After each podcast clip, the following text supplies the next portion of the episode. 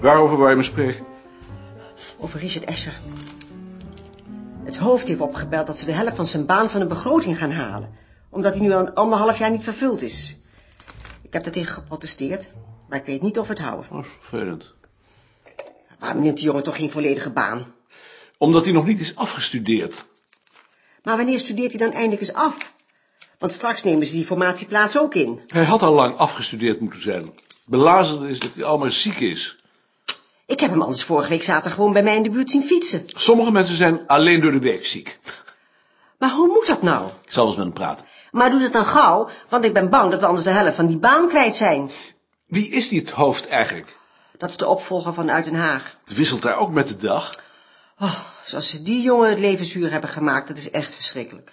Maar ik kwam voor iets anders. Kan ik twee lage kastjes met tien brede planken van ongeveer 75 centimeter krijgen? Waar is dat voor? Om onze kaarten in op te bergen. Maar heb je daar nog plaats voor? Tussen Tjitske en Gert in. Want je mag de vloer niet te zwaar belasten. Dat weet ik, maar op die plek mag een lage boekenkast staan. Ik heb dat in de tijd gevraagd. Ik zal ze bestellen. Rechtsom.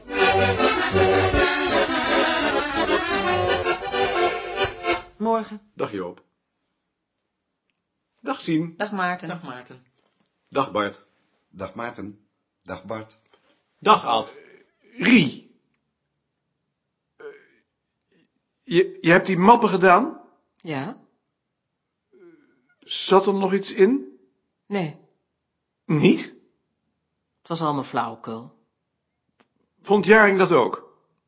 Ik hoefde ze Jaring toch alleen maar te laten zien als er iets in zat. Dat heb je dan verkeerd begrepen. Eh, Jaring had alles moeten zien. Dat wist ik niet. Bij alles wat we hier doen is een controle ingebouwd om te voorkomen dat we iets over het hoofd zien. Dus.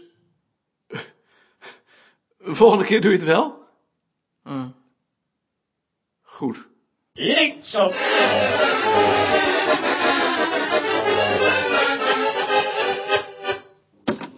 In de bulten liet om loren, hoe wat de wees al is geschied. Jaring, Al van die ik hoor net van Jantje dat het hoofdbureau de helft van de vacature Matser van de begroting wil halen.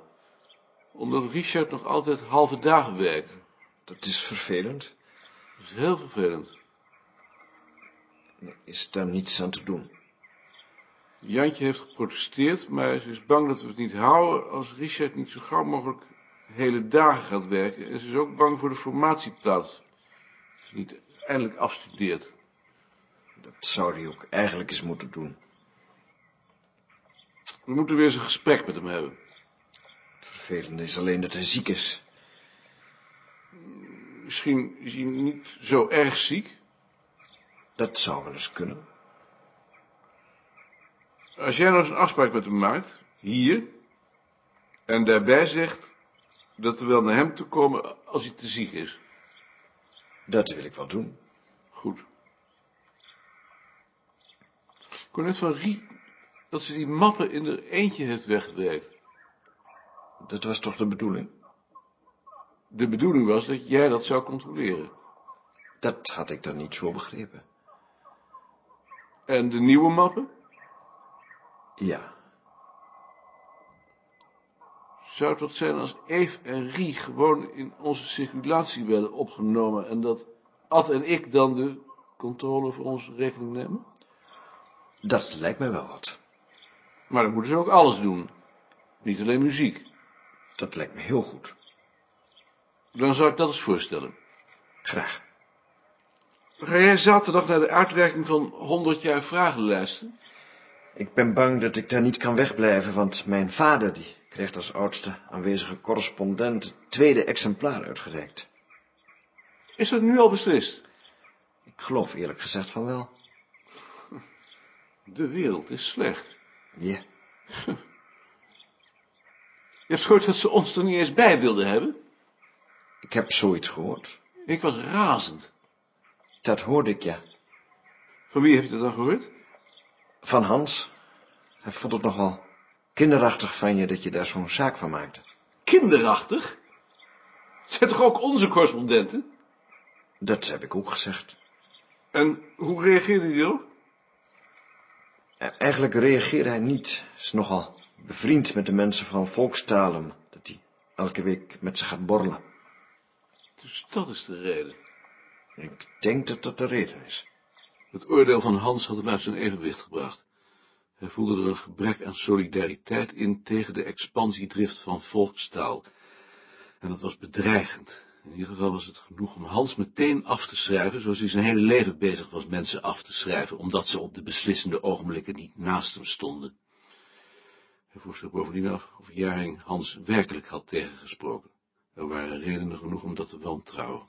Dus eh, ik zal bij mij op de afdeling voorstellen om Eve en Rie op te nemen in de circulatie van de mappen.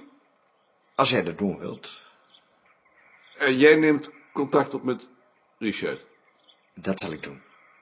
In die zoperdon ontvangen, eens sprak hij met heldenmoed. Niets dan de dood is mijn verlangen, geen gij aan mijn broeders dood. Hé, hey, Freek, Kan ik je even spreken? tuurlijk. Is Ad er niet? Ad is naar de bibliotheek. Ik zoek eigenlijk een baantje. Voor een uur of vijftien per week. Op jouw vakgebied? Alsjeblieft niet. Wat dan? Gewoon administratief werk. Hoe eenvoudiger, hoe beter. Het is niet de bedoeling om eh, op te dringen. Maar als jullie toevallig iemand nodig hebben, dan kan ik net zo goed hier wat werk doen. Je bedoelt loswerk, ik bedoel op, op, op, op, op uurloon. Ja, mm. natuurlijk. Je dacht toch, hoop ik niet dat ik hier weer in dienst zal treden. Nee, dat dacht ik niet. Maar ik weet natuurlijk niet of jullie daar geld voor hebben. We hebben wel geld omdat Richard nog altijd niet is afgestudeerd. Je zou om te beginnen de kopij voor het bulletin pers klaar kunnen maken. Is dat wat? En neem ik dat werk dan niet van iemand anders af? Van Ad, maar die zal er gelijk maar blij om zijn. Dan wil ik dat wel doen. Graag. En dan zal ik intussen zien of er ook nog ander werk is. Zullen we even naar Jantje gaan om de details te regelen?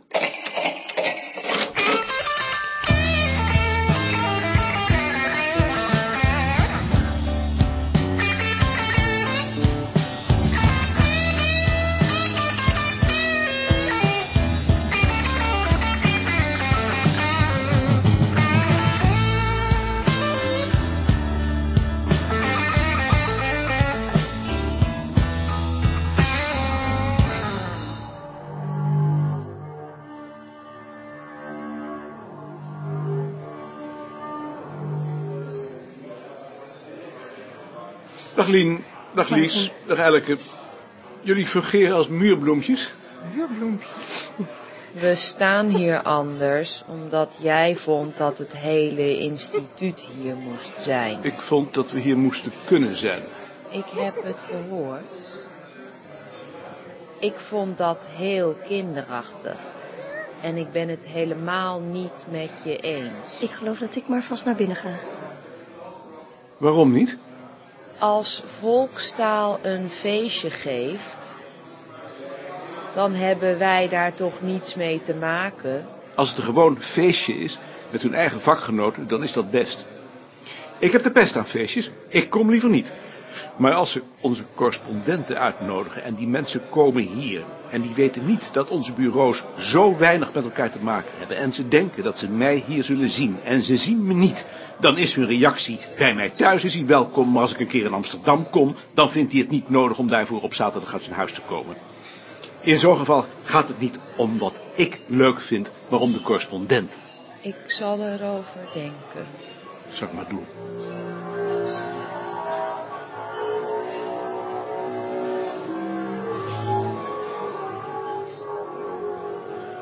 Dag meneer Koning.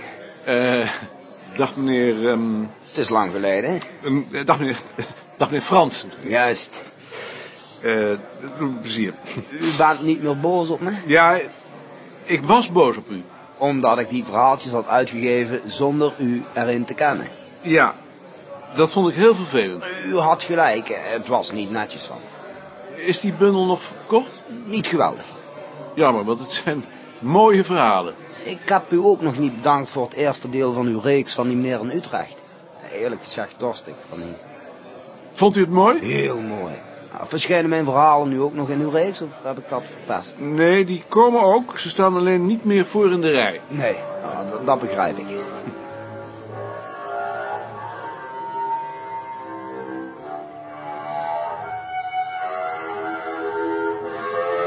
Dames en heren, namens het Bureau voor Volkstaal heet ik u allen hartelijk welkom. Wij zijn er bijzonder verheugd over dat u, op een zaterdag nog wel, in zo'n grote getale naar Amsterdam bent gekomen om met ons ons feest ter gelegenheid van 100 jaar vragenlijsten te vieren. Uw aanwezigheid is een stimulans om straks welgemoed aan de tweede 100 jaar te beginnen. Maar voor we dat doen, willen we de dag van vandaag gebruiken om samen met u even terug te zien en u een blik in onze keuken te geven. Ik hoop natuurlijk van harte dat u dat zal bevallen en dat u straks gesterkt weer naar huis zult gaan. Voor ik daarvoor als eerste het woord geef aan professor Weinert, geef ik u nog een wijziging in het programma. Het was de bedoeling dat mevrouw Jansen na de lezing het eerste exemplaar zou aanbieden aan de minister van Onderwijs en Wetenschappen. Helaas is de minister verhinderd, maar hij is zo vriendelijk geweest om in zijn plaats de heer Dreesen te sturen, die het exemplaar voor hem in ontvangst zal nemen. Ik heet de heer Dreesen dan ook heel in het bijzonder welkom. En dan geef ik nu het woord aan professor Weinert.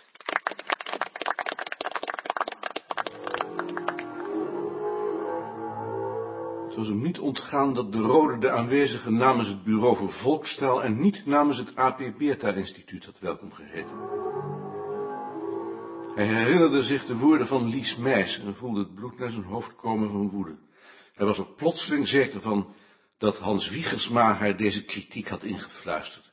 En het besef dat er achter zijn rug zo over hem gedacht en gepraat werd door mensen die hij tot dan toe wel had gemogen, maakte hem diep ongelukkig. Het was zo bedreigend dat hij van wat Weinert zei niets meer hoorde. Hij zat daar verkrampt met zijn handen om de leuningen van zijn stoel geklemd, strak voor zich uitkijkend, alsof de aanval elk ogenblik kon losbarsten.